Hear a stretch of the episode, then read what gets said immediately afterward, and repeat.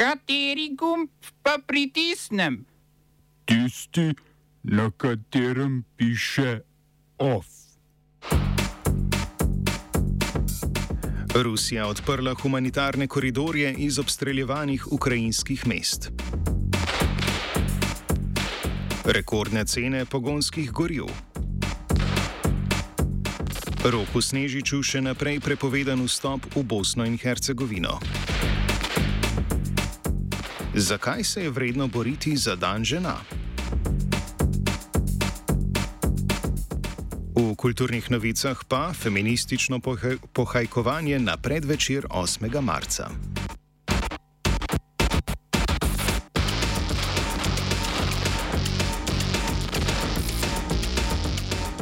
Jo! Kot je bilo dogovorjeno na včerajšnjih mirovnih pogovorih, je Rusija zjutraj odprla humanitarne koridorje iz več obstreljevanih ukrajinskih mest in sicer iz Kijeva, Harkova, Mariupola, Sumija in Černigova. Sočasno z odprtjem evakuacijskih poti so se prekinili spopadi na območju. Ukrajina je sicer včeraj v tretjem krogu pogajanj najprej zavrnila ruske načrte za vzpostavitev humanitarnih koridorjev, Označila jih je za nemoralne, saj je bilo v ruski ponudbi predvideno, da bi samo dva od koridorjev vodila na nenapadeno ozemlje Ukrajine, preostali pa v Rusijo in Belorusijo. Rusija se je na pritožbe odzvala, da bodo lahko civilisti mesta zapustili v kateri koli smeri. Čez vikend je bilo več poskusov evakuacije civilnega prebivalstva neuspešnih, ker ruska stran ni prekinila obstreljevanja.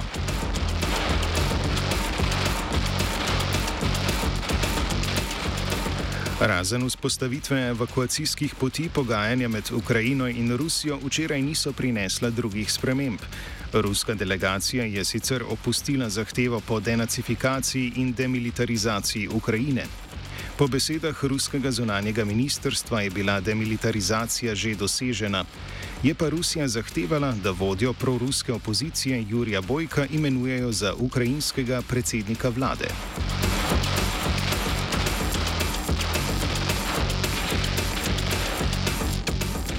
Napredovanje ruske vojske na bojišču se je med tem upočasnilo. Ukrajinska obveščevalna služba je sporočila, da je bil zunaj Harkova ubit 45-letni ruski general Vitali Gerasimov, veteran bojev v Čečeniji in Siriji. To je že drugi general, ki ga je izgubila ruska vojska v enem tednu.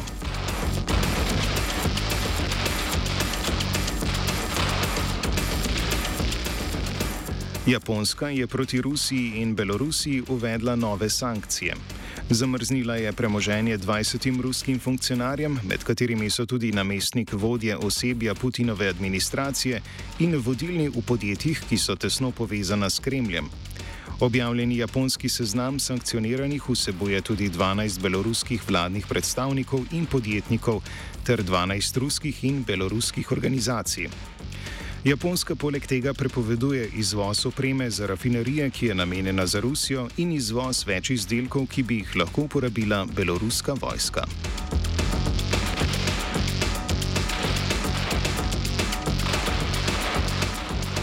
Na vse več sankcij, ki ciljajo na rusko naftno industrijo, se je odzval podpredsednik ruske vlade Aleksandr Novak. Zahodne države je opozoril, da bi prepoved uvoza ruske nafte pripeljala v katastrofo na globalnem trgu.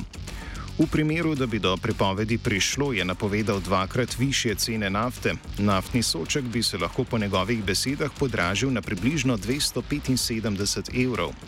Rusko opozorilo je sledilo ameriški izjavi, da Združene države Amerike in njihove zaveznice premišljujejo o prepovedi uvoza ruske nafte.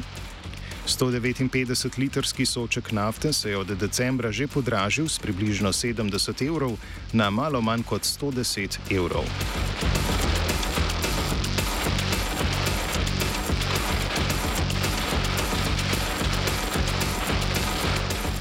Ameriško ustavno sodišče je s šestimi glasovi za in tremi proti zavrnilo pritožbe republikancev iz Severne Karoline in Pensilvanije v zvezi z na novo narisanimi volilnimi okrožji.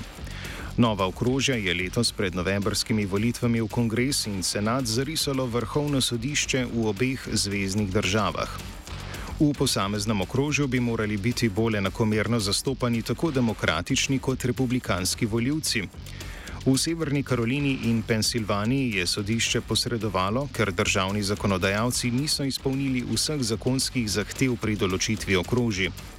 Razsodbi sodišča so naklonjeni predvsem demokrati, ki lahko pričakujejo kakšno zmago več, kot bi jo sicer.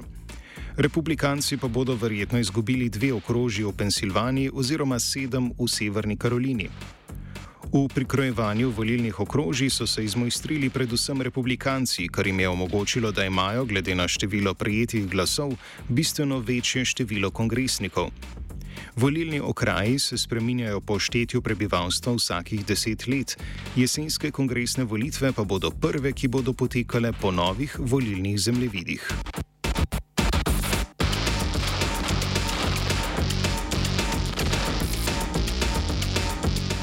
Ustavno sodišče Bosne in Hercegovine je zavrnilo pritožbo Roka Snežiča, s katero je hotel ponovno pridobiti dovoljenje za vstop v državo.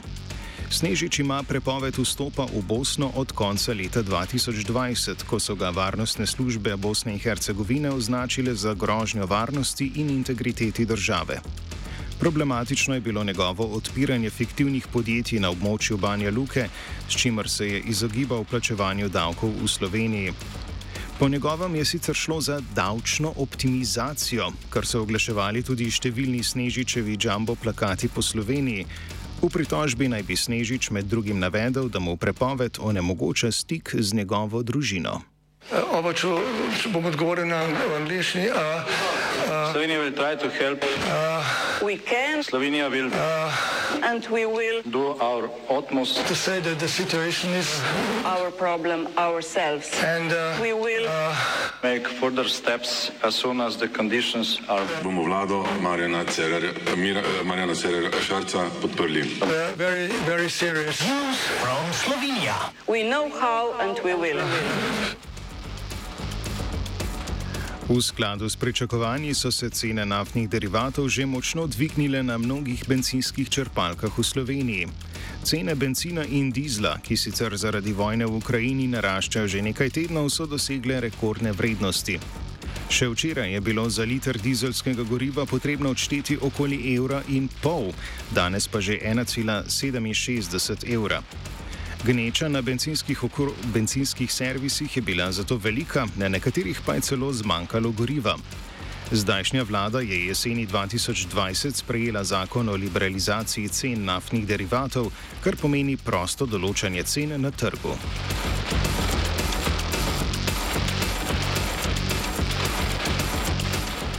Danes, na 8. marec, Mednarodni dan žena, več društev in nevladnih organizacij prireja v Ljubljani shod, s katerim zahtevajo izboljšanje položaja žensk v slovenski družbi. S protestom opozarjajo na nujnost dejanskih sprememb, zahtevajo, da se v javnosti sliši in upošteva ženski glas. Za Radio študent je predvolilne zahteve vseh zbranih organizacij predstavila Ana Kalin, predsednica Društva ženski lobby Slovenije. In sicer so v petih sklopih. Uh, prvo je zahtevamo izobraževanje in zaveščanje o enakosti in spolnih stereotipih.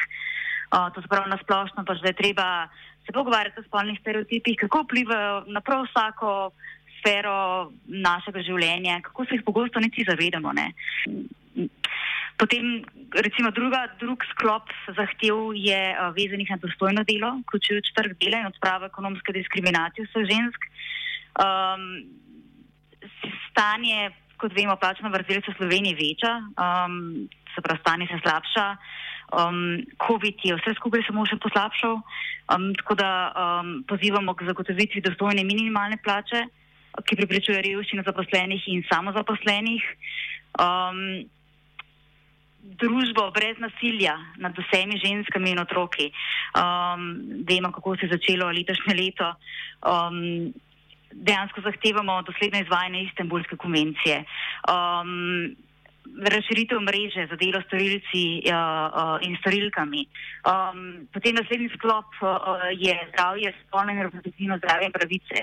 Mislim, da je popolnoma jasno, da zahtevamo doslovno in dosledno spoštovanje vseh pravic, vsebovanih v 55. členu ustave. In potem še zadnja, zadnji sklop, ki je vezan pa na prioriteto in pa participativno demokracijo. Um, zdaj vemo, da se bližajo volitve uh, in, in naša zahteva je ne samo, da bo uh, upoštevanih teh 35% ženskih kandidat na listah, ampak da se dejansko dela na tem, da bodo ženske tudi um, enako izvoljene kot moške. To se pravi 50% delež kandidatk in, in, in 50% delež kandidatov na koncu se dela v parlamentu. Shod se začne ob danes, ob 16. uri na kongresnem trgu v Ljubljani. Za današnji shod uh, smo se pa še širše organizirali, kot tistih pač originalnih uh, 19 organizacij in posameznic. Tako da nas je več kot 200 organizacij in posameznic uh, pozvalo na današnji shod. In, in mislim, da je jasen moto današnjega shoda, da se mora končno slišati glas žensk um, danes in tudi na volitvah um, 24. aprila. Uh, ja, torej shod uh, uh, se danes začne ob 16. uri uh, in dobimo se uh, pri Sidru na kongresnem trgu v Ljubljani. Tradicionalno se pred 8. marcem razglasi dobitnik nagrade za najbolj seksistično izjavo leta, ki jo podeljujeta kolektiv Rdeče Zore in uredništvo spletnega portala spol.si. Bodečo nežo je letos prejel duhovnik in gimnazijski učitelj Andrej Vončina, ki je udrihal proti participaciji žensk v profesionalnih športih.